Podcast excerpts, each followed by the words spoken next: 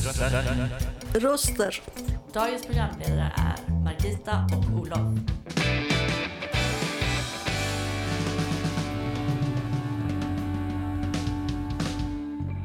Dina röster i vardagen. Hej och välkomna till eh, veckans eh, fontänbubbel. Eh, idag är det den 9 elfte och vi ska prata om expertis och huruvida vi lever i huruvida vi lever i eller bör sträva efter ett expertsamhälle. Programledare för denna eftermiddag, det är jag, Olof, och min kollega. Margita.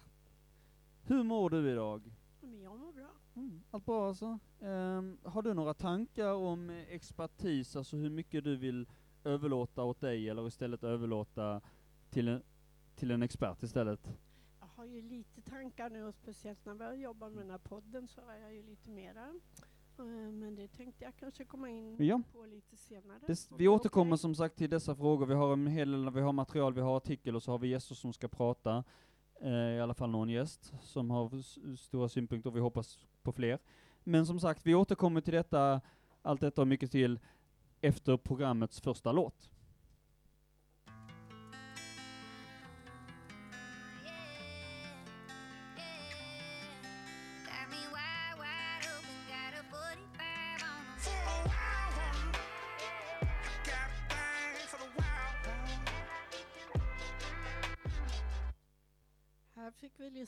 Jesse Jessie Murph med Wild Ones.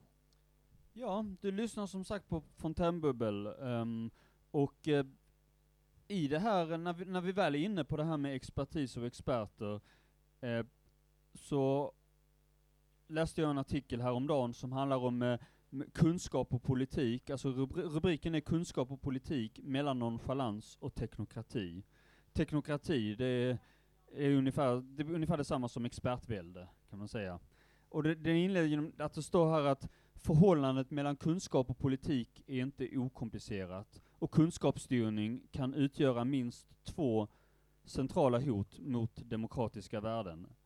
Eh, och eh, det är att utredningar, som ofta tillsätts av politiker i en viss konstellation eller annan, de kan bli till tomma ritualer som motverkar sitt eget syfte och ger utrymme för kunskapsnonchalans. Men de kan också leda till att öppna diskussioner baserade på politiska värderingar överges för vad som kan beskrivas som ett expertvärde.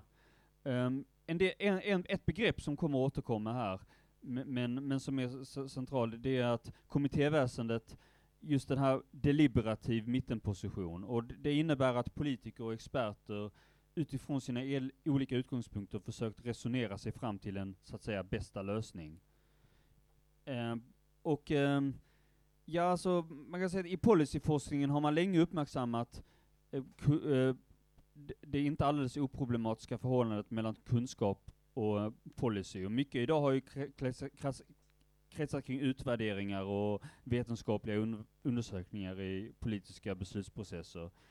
Um, I Sverige och internationellt talas allt oftare om så att säga vad som fungerar och så att säga evidensbaserad politik.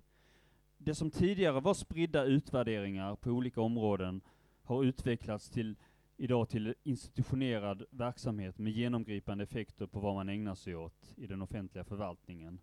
Eh, utvärdering, utvärderandet av politik, det vill säga sökandet efter det goda beslutsunderlaget, har således blivit så omfattande att nya typer av myndigheter har inrättats.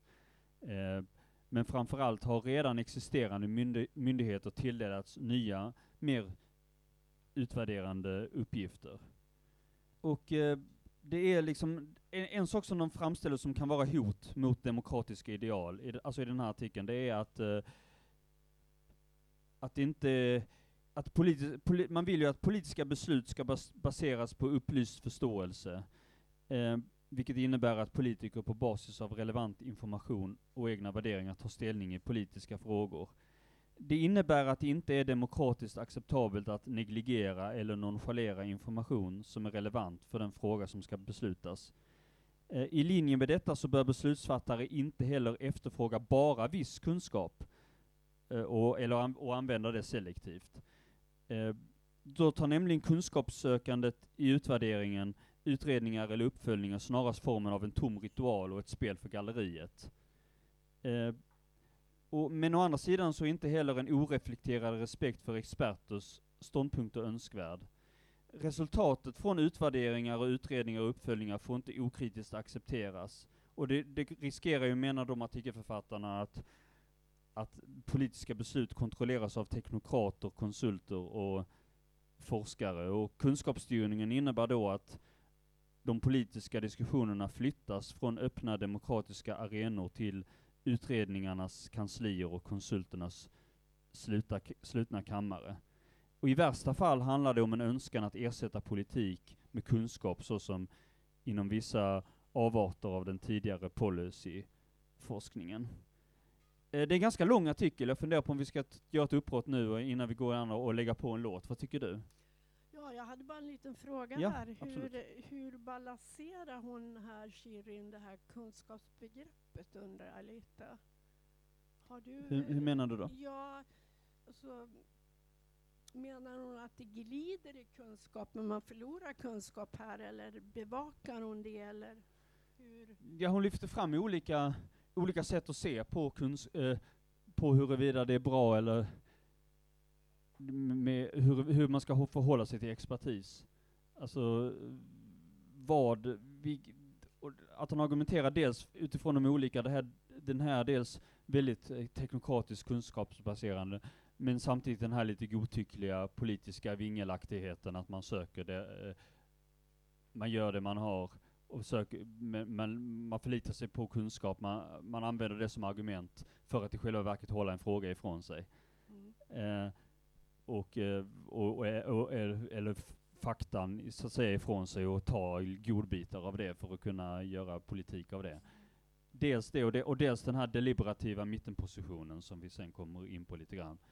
Eh, som hon redan nämnt, men som vi ska gå vidare på lite grann. Mm. Jag tänker att vi lägger på en Ja, låt så fortsätter vi efter okej. det.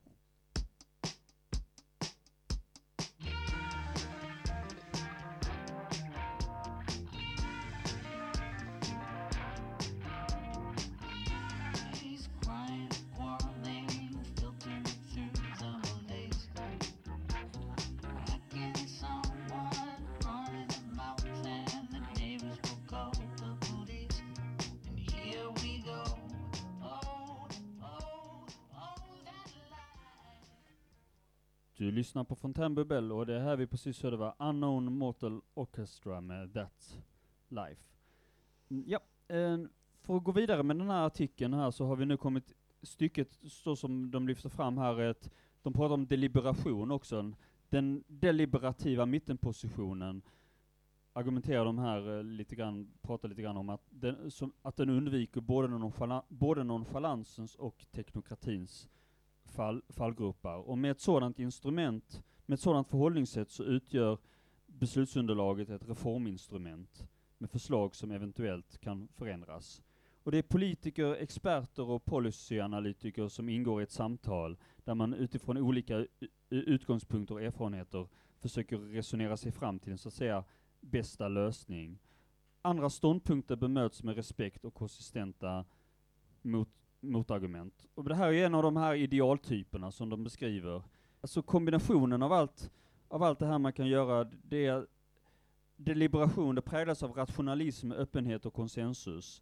Och historiskt så kan vi säga att kommittéerna har varit en arena där politiker, experter och policyanalytiker ingått i ett samtal där man utifrån sina olika utgångspunkter och erfarenheter försökt resonera sig fram till en bästa lösning.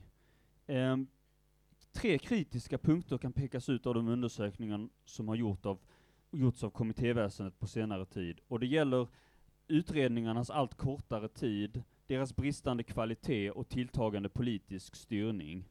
Och eh, flera rapporter har alltså publicerats med nedslående resultat om kvaliteten i de betänkanden som eh, statliga utredningar reviderat, eh, levererat. Eh, och att det är, mycket, det är mycket tidspress och det är mycket att eh, ett genomgående tema är att många utredningar ofta inte ges tillräckligt med tid för att svara på stora och oprecisa frågor. Eh, och, eh, att det, det, och eh, det blir alltså paradoxalt nog just de centrala myndigheterna och regeringskansliet som i utredningens ställe tvingas ta över ansvaret för beredningsarbetet.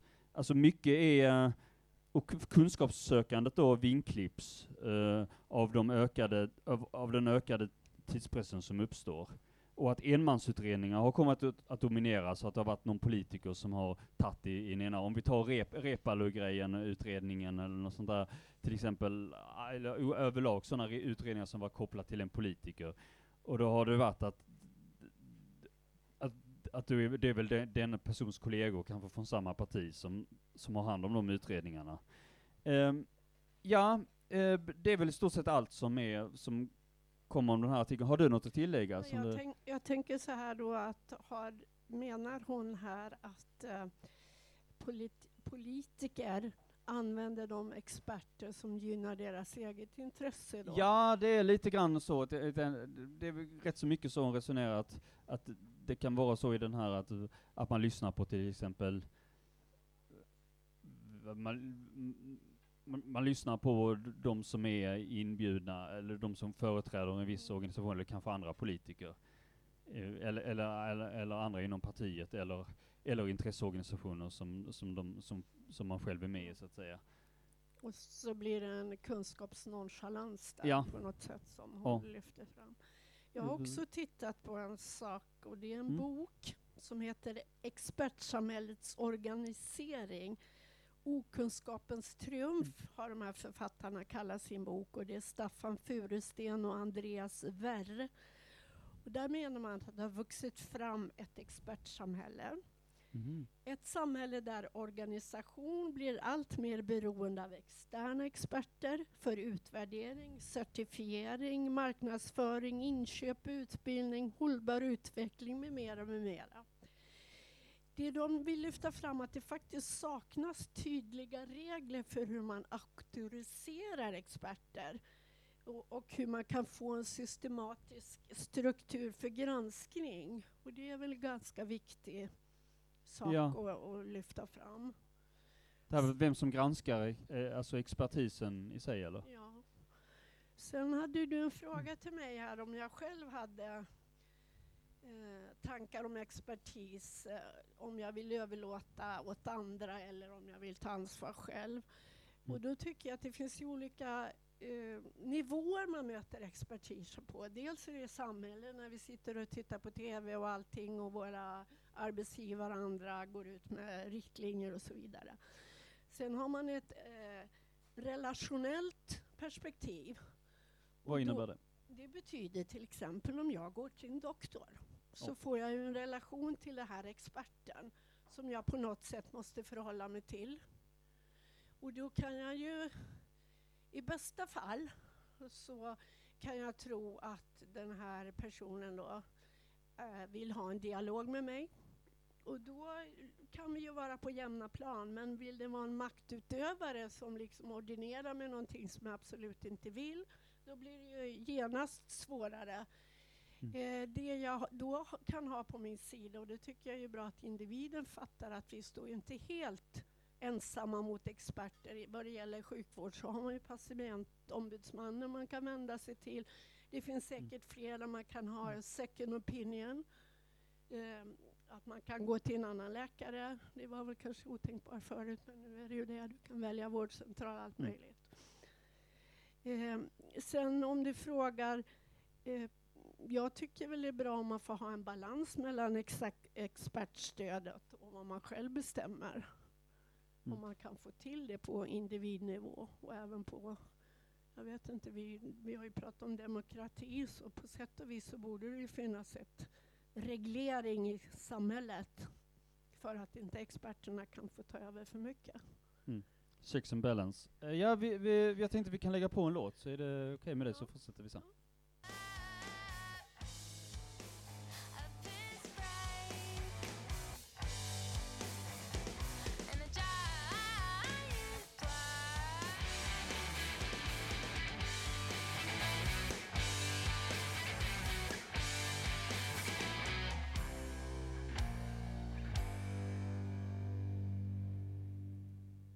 var Rosie Tucker, Unending Bliss. Ja. Mm, vi pratar om, så, som sagt idag, om eh, experter och expertsamhället. Um, och vem vi ska lyssna på är då frågan, vi, vi var inne på det lite grann du Margareta, det här med att vi är många gånger är ändå att vi förväntas vara experter, och vi är ofta experter på oss själva i någon mån. Eh, frågan är ju hur mycket. För ofta så ändå förlitar vi oss som sagt någon, eh, någon, någonstans på, en, på expertis, att vi känner oss trygga att bli överlämnade åt, åt andra. Men det kan också känna att man hamnar i en, makt, i en maktlöshet, Mm. när vården säger att du ska ta det här och det här, och man, och man själv är orolig för vad som kommer hända om man ska, ska ta de här, och de här pillerna vid det tillfället. Ja, där blir individen ganska svag Ja. mot eh, en maktrelation. Eh, Mm. Då behöver man ju ha ett nätverk. Ja, ja precis. Nu, har man ju möjlighet också att kolla upp eh, saker och söka, och söka själv och ha egen information om vissa saker, men då är det viktigt att sålla vad som är, vad som är riktigt och inte. Och, eh, men också det här med till exempel eh, eh förlossningsvården, om vi nu är inne på det, eh, när vi nu på, så eh, är ju en, eh, är ju en aspekt att det, det kan ju vara som sagt både, både jobbigt de som förväntar sig att när, när de är gravida eller ska, för, ska förlossa, ska göra förlossningar, att eh, de får det här, det här och det här ska du göra. Om man själv känner väldigt obehag för att gå igenom alla de här sakerna så kan det bli en väldigt jobbig situation. Å andra, gånger, å andra sidan så har jag hört, har andra berättat att det kan vara väldigt, de har upplevt en väldigt trygghet när de har att de kan överlämna sig och, och låta andra fatta beslut så att de inte själva ska behöva göra det. Um, det är ju lite svårt att veta. Sen så har ju förlossningsvården gått igenom, eller går igenom en kris och det har ju också påverkat då, så att säga, osäkerheten och kanske Ja. tiden barnmorskorna har med sina mammor och pappor. Alltså, det kan ju också påverka. Så det är ju, ja. man måste ju lyfta ut det också från eh, experten, vad som verkligen sägs Ja. och hur det faktiskt de politiska besluten påverkar Nu var det ju något, kvaliteten. Nu var det ju något till exempel att det var något sånt tips om att man kunde föda i bilen, eh, i, i, någon, i någon form av, att de- gav instruktioner för hur, hur man kunde förlo, förlösa barn så att säga i bilen. Eh, och det, det var lite alltså, jag, min tanke var väl inte, min första association gick väl inte riktigt till att det var eh, ett led i den här att att man ska kunna ha egen makt och bestämma mer över sig själv, utan för mig kändes det mest, mest som ett svepskäl för att man ska kunna eh, mildra effekten av en, av, en, av en besparing så att säga. Hos mig väcker det en tanke om det inte var när man la ner förlossningsvården uppe i Sollefteå. Och i Norrland har ju otroligt långa avstånd så då kanske man rent praktiskt bara Ja. började säga Jo, precis. fixa det i bilen. Ja, ju precis. Det var, det var något sånt samband att man behövde åka väldigt långt annars och därför tyckte de att det var lättare att, att jag- ge tips om hur man, hur man föder i bilen. Eh, men en, en sak som jag tänkte när det gäller, eh, när det, när det gäller just den typen av eh, så var det, har du sett den serien, eh, Barnmorskorna i End? När jag bara zappar förbi. Eh, men i alla fall, eh, där var det ju någon, någon brittisk sån här forskare som kritiserade serien för att hon, hon tyckte den framställde vården i dålig dager. Trots att egentligen, alltså det var mycket, den ut, för det första utspelade den sig på 50-talet med den kunskap som fanns då. Och för det andra sidan så var det en väldigt onyanserad tolkning, alltså de har ju de går igenom både för och nackdelar, det är lite så här drama som det ofta är i serier, att här, hur ska de kunna rädda det här och Men det var väldigt så här att, att, att det kommer någon expert så att säga som fördömer, eh, som fördömer en serie, bara, bara för att de, de tolkar genom sitt eget fördomsfulla filter. Åh, men då förs- förs- försöker de kritisera förlossningsvården, ja det är fel, de har fel. Liksom. Ja, så kan det, Det vara. blir, det blir lite konstigt. Har- Men det någon- blir ju lite sådär också, vi hade ju en em, att det kan skilja sig mellan 20 år och hur förlossningsvården ser ut och det blir ju lite förändringar. Mm. Och jag vet inte de unga föräldrarna idag hur de ser på det där. Jag är ju distanserad från det men Mm. det hade varit kul om någon Ja. Men en annan sak som när det gäller liksom så experter, det- handlar om psyk psykiatrin är ju en ganska ung vetenskap också. Där, där är det väldigt, väldigt svår balans liksom, är hur, huruvida man är experter på, på sig själv eller inte. För, för många gånger kan psykiatrin göra en bedömning som inte alls är e- ens egen. Du tänker på tvångsvård då eller för, Ja. fara för sitt eget liv och Det andra kan- eller hur? Det, det, det- är väl en sak, menar för, men, men att ofta kan göras of, ofta kan man göra, ofta kan det göras journaler så att säga som inte, som inte stämmer, som man själv inte alls tycker stämmer överens. Och då, då står ord mot ord, vem har Mm. rätt? Är det individen själv eller är det psykiatrin? Mm. Ja, det, är ju ett, det kan ju vara ett maktutövande där inom, och säkert Mm. kanske andra kliniker också. Men eh, Mm. Och sen fundera på det här expertis i förhållande till så att säga sunt förnuft. Det, det finns de som menar att man ska inte lyssna på expertis för att sunt förnuft räcker långt. Är, är, det, är det hållbart? Alltså för mig, genom min uppväxt, när någon säger bara så här, men det säger, det säger ju själv eh, sunt förnuft, så jag, jag har sågat den uttrycket. Rakt av bara. Mm. Det går inte att definiera vad som är sunt förnuft. Det varierar kulturellt och mognadsmässigt och allt möjligt. Och där kan också ligga en maktbalans. Eh, ja, eh, jag tänker, eh, in, innan vi lägger på en låt nu och släpper upp lite gäster så kan jag säga att eh, det finns, eh, alltså pro- professionen, professionalism, alltså vad, eh, hur mycket, hur viktigt är det för oss och vad, vad är en professionell eh, person? Vad ska de ha gått igenom och vilken typ av, när man åberopar och tipsar andra, hur, eh, var går gränsen? Alltså inom filosofin så räknas det ofta, och, eh, och retoriken så räknas det ofta som ett felslut, det här åberopandet av auktoritet. Eh, att man lyfter, att man lyfter, ja men den här och den här kända personen har sagt det, så, och använder det som argument för, va, för varför en sak är riktig. Eh, men där är det ju farligt, det är lite svårt att säga att det är ett felslut helt eftersom det är väldigt, det beror på situationen väldigt mycket, att många gånger kanske är det bara kanske experter som vet.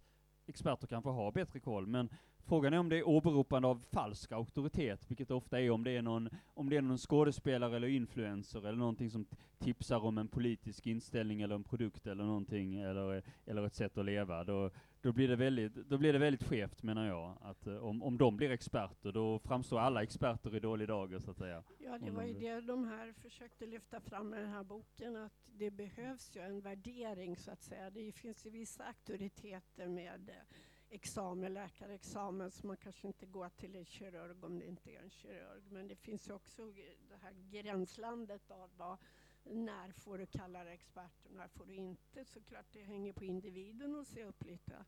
Ja. Man säger till lokalvårdare, till exempel städare som är först och sen lokalvårdare och sen sanitetsexperter. Ja. Då blir det ju att, då tolkar man ju ändå på något sätt att de är experter på rengöring och sanering så att säga. Ja. Men det, det, det är också en anspråksfull titel, alltså även om man förstår varför de har la- lagt fram det, att de vill höja statusen på yrket, så blir det också, är det också en ganska anspråks, anspråksfull titel så att säga, just eh, expert.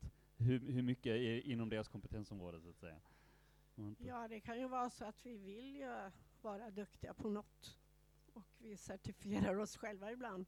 Ja. Och sen kan det finnas system som certifierar oss och så döper vi om allting och så ska man säga på det Mm. exakta sättet. Så att det är ju Mm. väl en, och då är man väl inne på det här samhälleliga perspektivet. Ja. Det finns någon- tycker du, kan expertisen vara partisk? Vi har varit inne på det lite grann. Alltså i det här sammanhanget när du sa att Shirin la fram den här artikeln, Ja. då, då är det väl klart att om politiker sätter till utredningar så de han plockar vissa och då blir de ju lite partiska. Lite köpta kanske. Mm. Det, Är vi så mer, de eh, kan ju vara partiska. Ja, visst. Eh, är, vi mer, är vi mer fördummade nu än vad vi var förr, eller vad ty, ty, tycker du? Alltså, vi, har vi mer koll på, eh, på saker, alltså, eller behöver vi mer experter och var, var experterna egentligen experter överhuvudtaget förr i tiden? Är de mer, är de mer så att säga professionella idag? Och är, och är, är vi människor överlag smartare? Alltså tror jag du? tror vi är intelligenta bara vi brukar vår intelligens. Ja. Och eh, det är väl alltså, vi har ju tillgång till jättemycket kunskap nu, men vi kanske bara går på vad grannen säger eller vad, vad mainstream säger. Men då får vi skylla oss själva tycker jag. Mm. Jag, eh, jag kommer tänka, eh, när, när- jag var liten så hade vi en sån här bok som vi köpte hem som vi, som vi, hade, som var, som vi hade köpt, som vi, man, mina våra föräldrar hade köpt vid någon sån här eh, tillfälle som handlade om eh, sjukvården under, under medeltiden och tidigare. Kapa ben och tappa blod. Och det handlade inte bara om, då handlade det om sånt som dels åderlåtning och, och sådana saker och hur man, hur man skadade, hur man eh, hur, hur, hur man, hur man bedö- bedövade folk genom att slå ut tänderna och så trodde man att man hade botat, tand, eh, lagat, eh, hjälpt patienten med, Ja, ja. tandvården och sådana saker, att man högg av benen och, Ja, vi, och massa sådana saker. vi resonerade omkring det när vi satt och gjorde den här eh, brainstormingen. Just vad har människan gått igenom en evolution? Är vi dummare Mm. nu eller är vi på medeltiden? Så att, men svar, eh, frågan blev inte förklarad ordentligt. Mm. Eh, ja, vi lägger på en låt så bjuder vi upp en gäst sen.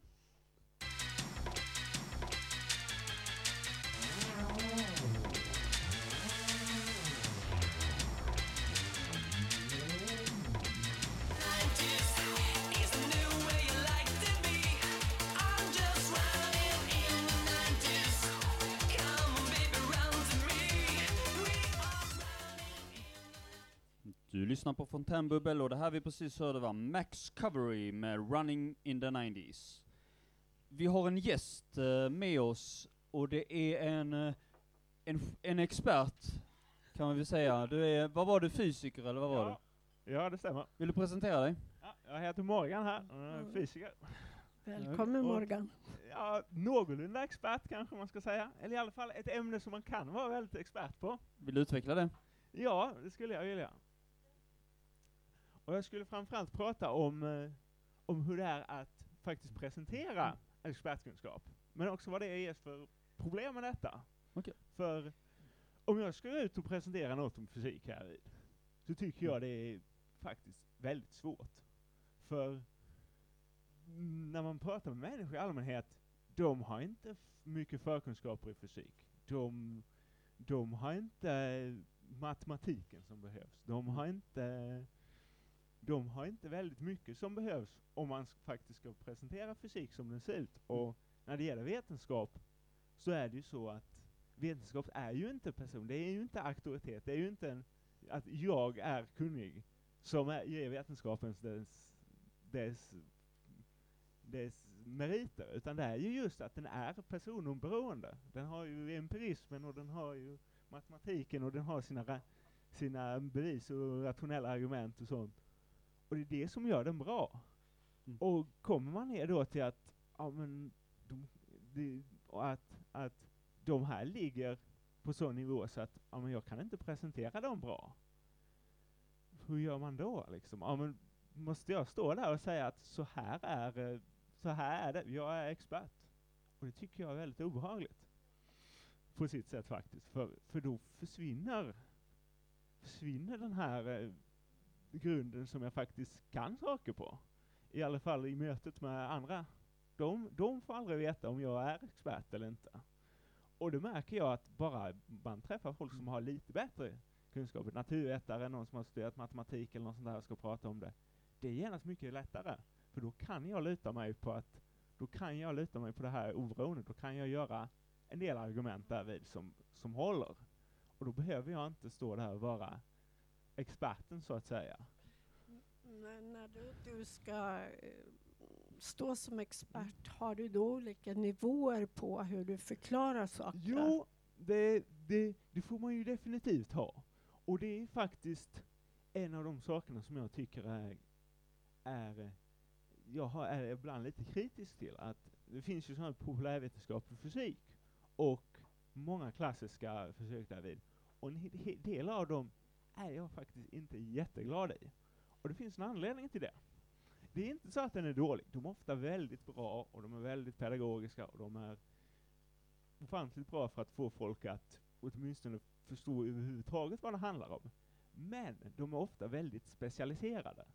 Man gör en förklaring som, som förklarar den här väldigt, väldigt lilla biten. Och den sitter där. Och sen ska man eh, liksom med röra sig, argumentera eller något annat någonstans utanför den, så fallerar detta hårt Mm. då, då finns inte, då är detta, då är det man, sättet man förklarar det inte, då duger det inte. Och då fastnar man i det här med, så här är det.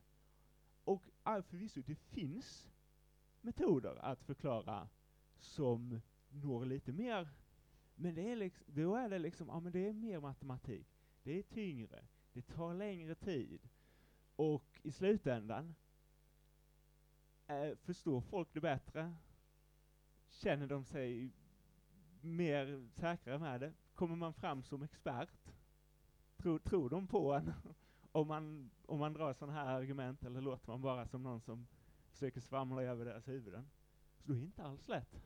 Jag, jag tänker på det om jag får komma in där, eh, att det blir ganska så, jag, jag har märkt att vissa, vissa politiska diskussioner har, har blivit på något sätt att det blir en arena över, över har- har jag märkt på Facebook bland annat, att det har blivit en, en arena för expertkunskaper, att de eh, personer som pratar om fysik, huruvida de försöker framställa att jag är mycket bättre på fysik än vad du är, i olika. Och då, Ah, då gäller det sådana frågor som till exempel om, om, eh, om eh, och att, att 9-11 var, var USAs egen regering som skapade eller om det var Al-Qaida. Ah. Och, det, och det har i så fall att göra med vad man tror på, det hur man, hur man tolkar fysikens Jo. lagar, hur det Ah, är olika. Ja, okej. ja, Och, också, den, också den, den globala uppvärmningen, huruvida den är orsakad av människan eller Jo. något naturfenomen. Det är också sån Jo. här att det blir en, det blir en nörderi i fysiken. Eh, Då, att man försöker, och, då, och då är det väldigt svårt att argumentera på det planet när, när, när, det- är så här, när, det förutsätter att folk är, är kunniga på expertis, och, eller när folk försöker idiotförklara en politisk inriktning genom att komma med vetenskapsargument, liksom så här med fysik, väldigt så detaljerat, då blir det väldigt svårt tycker jag, vi, som inte kan, vi som inte kan så mycket om fysik, det, vi känner oss lite alienerade då så att säga. Jo, jo, jag förstår det. Och, och det. och det kan mycket väl finnas i den här problemet. Och, ja, jag, tänkte, jag tänkte ta ett väldigt, ganska löjligt exempel här, bara för att Mm. människor ska, att, att ni ska hålla med. Vi behöver inte så mycket matematik. Så jag tänkte att om man, om man tar en penna här och håller ut den ungefär i ansiktet, så frågar jag, ja men hur lång tid tar det för den att trilla till marken? Mm. Och ja, varför jag vill veta det, ja. Om vi ska hitta på ett löjligt sätt att, ja men jag är orolig för att den kommer träffa min fot liksom. Tror ni Mm. jag kommer hinna dra undan foten innan den landar? Då måste man ju veta hur lång tid det tar för den trillar ner. Ja. Och då får jag väl fråga er, kan, kan, tror ni det? Tror ni jag hinner dra undan foten? Ja. Ja! Ja, men hur lång tid tar det för pennan att trilla ner då? En liten stund. Två, sek två sekunder. Två sekunder. ja. Det, Det beror på hur mycket den väger. ja, det skulle jag väl snarare säga, det gör det inte. Ja, Du märker hur Om duktig man jag ska är på göra den fysik. allra enklaste versionen, om man ska göra den svåra versionen så beror det på hur mycket den väger. Okej. Men, Eh, men jag tänkte relatera till det du lyfte fram nu, Olof. Mm. Eh, alltså om experter får lite fotfäste, finns Mm. det någon motpol då som börjar och liksom Jo. förlöjliga det här? Jo, jo, jo, jag tycker det finns det problemet för att, okej, om man hade haft en expert här vid, som hade mätt hur högt det var och sånt, då hade de ju kunnat eh, svara på detta ganska bra, hur lång tid det tar. Men problemet är ju att de kommer fortfarande ha osäkerhet. De kommer ju kanske ha en hund- tiondels sekund, hundradels sekund, tusendels sekund, beroende på hur, hur exakt de faktiskt kan mäta detta. Och de kommer också ha koll på hur, hur bra mäter de det? Och vad är det som är fel? Är det hur tydligt de mäter precis hur högt jag håller pennan? Är det hur, eh, Okej. är det liksom hur, eh, hur luftmotståndet ser ut? Är det, är det något annat? De kommer, de, de kommer kunna förklara det. Men, Okej. de, eller, men, men nu är det ju så här enkelt exempel. Kommer man till något mer avancerat, de kommer fortfarande ha den här känslan av att vi har lite fel, men vi vet ungefär hur stort felet är. Ja, ja. Och i praktiken så kan man ju svara för mycket. Ni kunde ju svara på om jag kunde dra undan foten och ni hade, Ja, ja. hade ju inte alls bra kunskaper om hur lång tid det tog för den att trilla ner. Nej. Som sagt, så man kan göra ganska mycket utan att vara Men, men, Helt- Men jag, jag och min syster pratade om det när vi var små, när, vi, när, jag, när jag var typ, hon var sju, åtta år, jag var nio, tio år gammal. Vi, vi diskuterade hur lång tid det for, tog att falla från ett flygplan till, eh, ner till marken. Och jag, jag, min gissning var att det var väldigt lång, väldigt lång period Mm. ändå liksom. Eh, väldigt, alltså jag, jag vet inte om jag räknar minuter, men jag tänkte så här, men, men min syster var övertygad om att det var bara, bara Att det räckte med det skriket, sen var man. Okej. Eh, det var väl inte riktigt Ja. min, och det har jag förstått i efterhand att jag hade rätt eh, på den, att, eh, men att jag också underskattar tiden, att det tar mycket längre tid, det tar typ fem minuter eller någonting att falla Ja, det låter, det, låter, det låter ganska rimligt. Eh, Ja. Beror på hur högt det flyger också. Ja. Men det Jag vet om man faller från en hög Ja, byggnad, från om man skulle falla typ från, från domkyrkan så gissar jag att man skulle hinna skrika "Ah, ah, ah", och sen Ja, skulle det vara ja. över. Det är väl Kan prova. Fyra sekunder skulle jag säga. Ja. Eh, Som, eh, som grovt uppskattat från experten. ja. Jag trodde aldrig att jag skulle gå- och återberätta detta i radio. liksom. Den, funderingar från. Men vi kör en låt nu.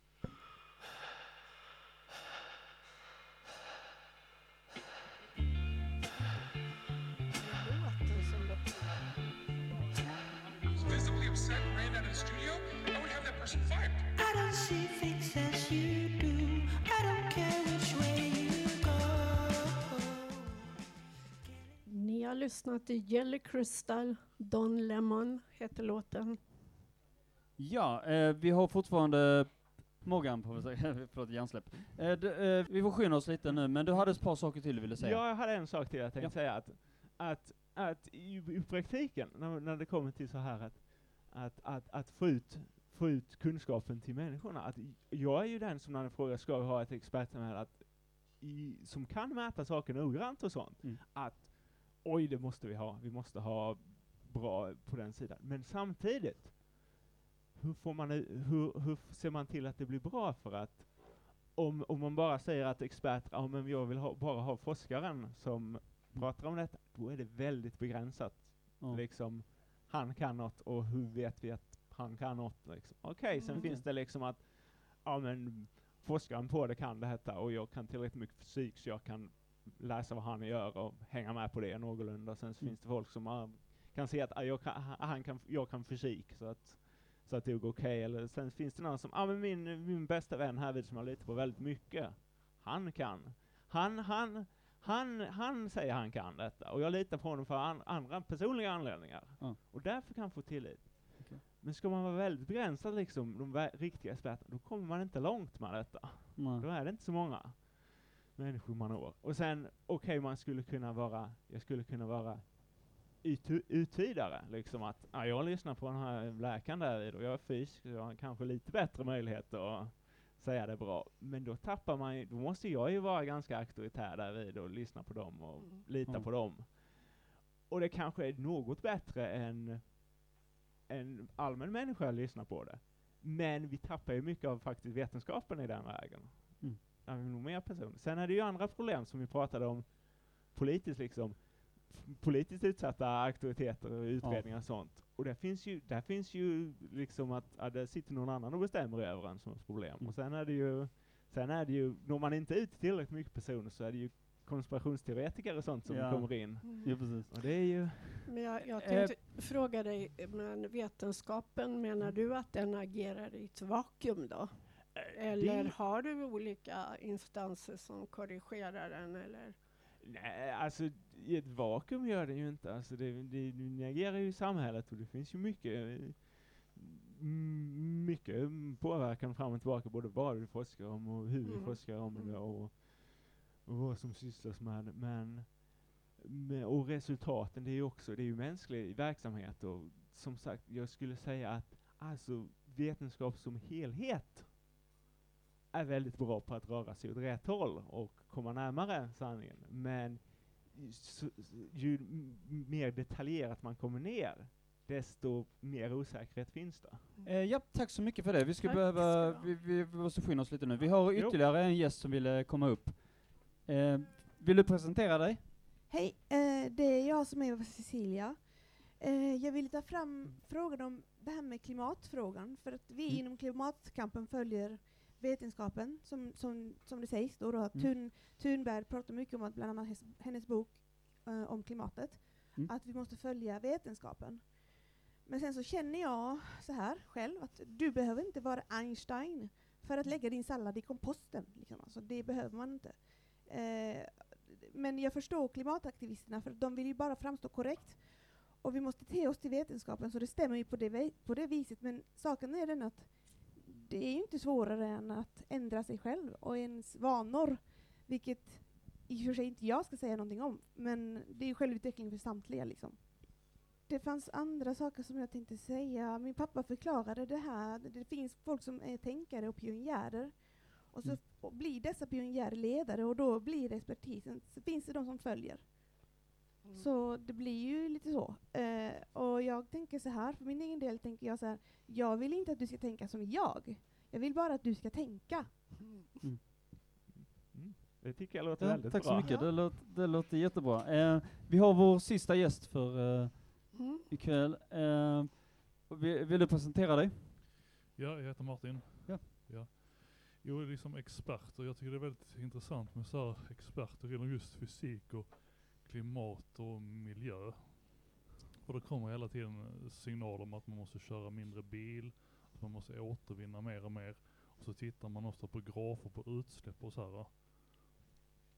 Eh, men där funderar jag på om det liksom är kanske retuscherat i efterhand för att Vad då menar du skulle vara retuscherat i efterhand? Ja, så kanske av journalister och, och ehm, Menar du att data besluts, skulle... beslutsfattare och så här.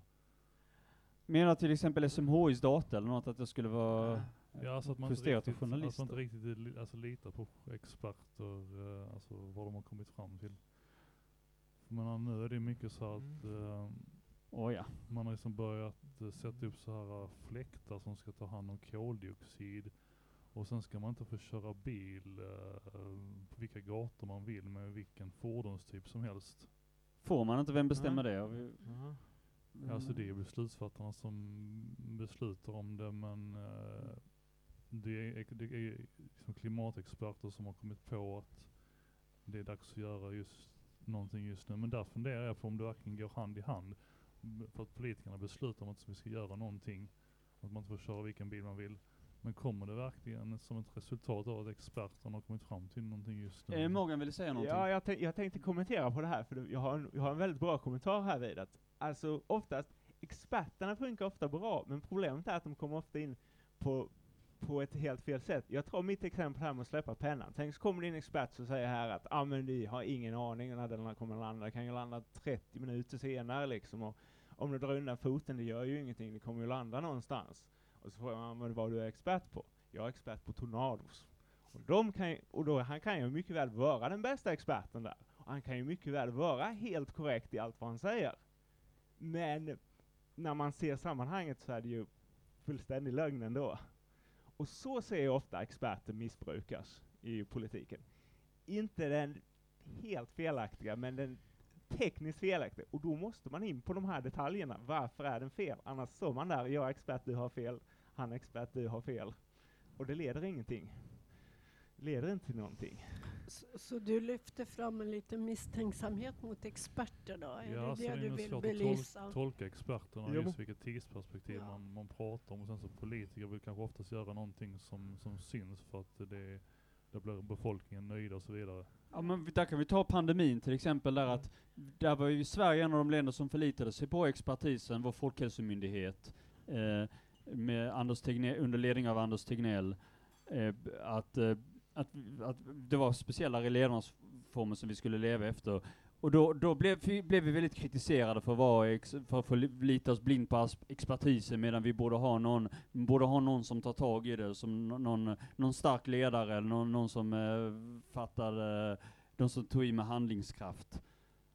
Och medan man, man kan nog ändå säga att de flesta ändå lyfter ändå fram ändå att de tycker Sverige gjorde en bra avvägning mellan, mellan då alltså expert, folkhälsa, det är ju dels smittspridning, alltså det, men att de inte bara hade det i åtanke utan även hur folk mår, hur, hur påverkar nedstängningar och sånt, vad får det för effekt på folkhälsan? Men jag, Eh. jag tänker också, i ett demokratiskt samhälle så får vi ju faktiskt eh, ifrågasätta expertis. Och det var ju väldigt mycket diskussioner och det hade ju inte hänt i ett annat samhällssystem. Eh, men vi tackar för Ja, vi inläggen tackar, som tack våra mycket. gäster har gjort Ja. här. Tack så Vi mycket. tackar både, vi tackar Morgan som varit med oss under stor del av tiden, eh, och vi tackar Eva-Cecilia och vi tackar Martin. Mm. Och så tackar vi publiken. Tack för att det är trevligt att se så många ansikten här som ville vara med och ville vara och lyssna på oss.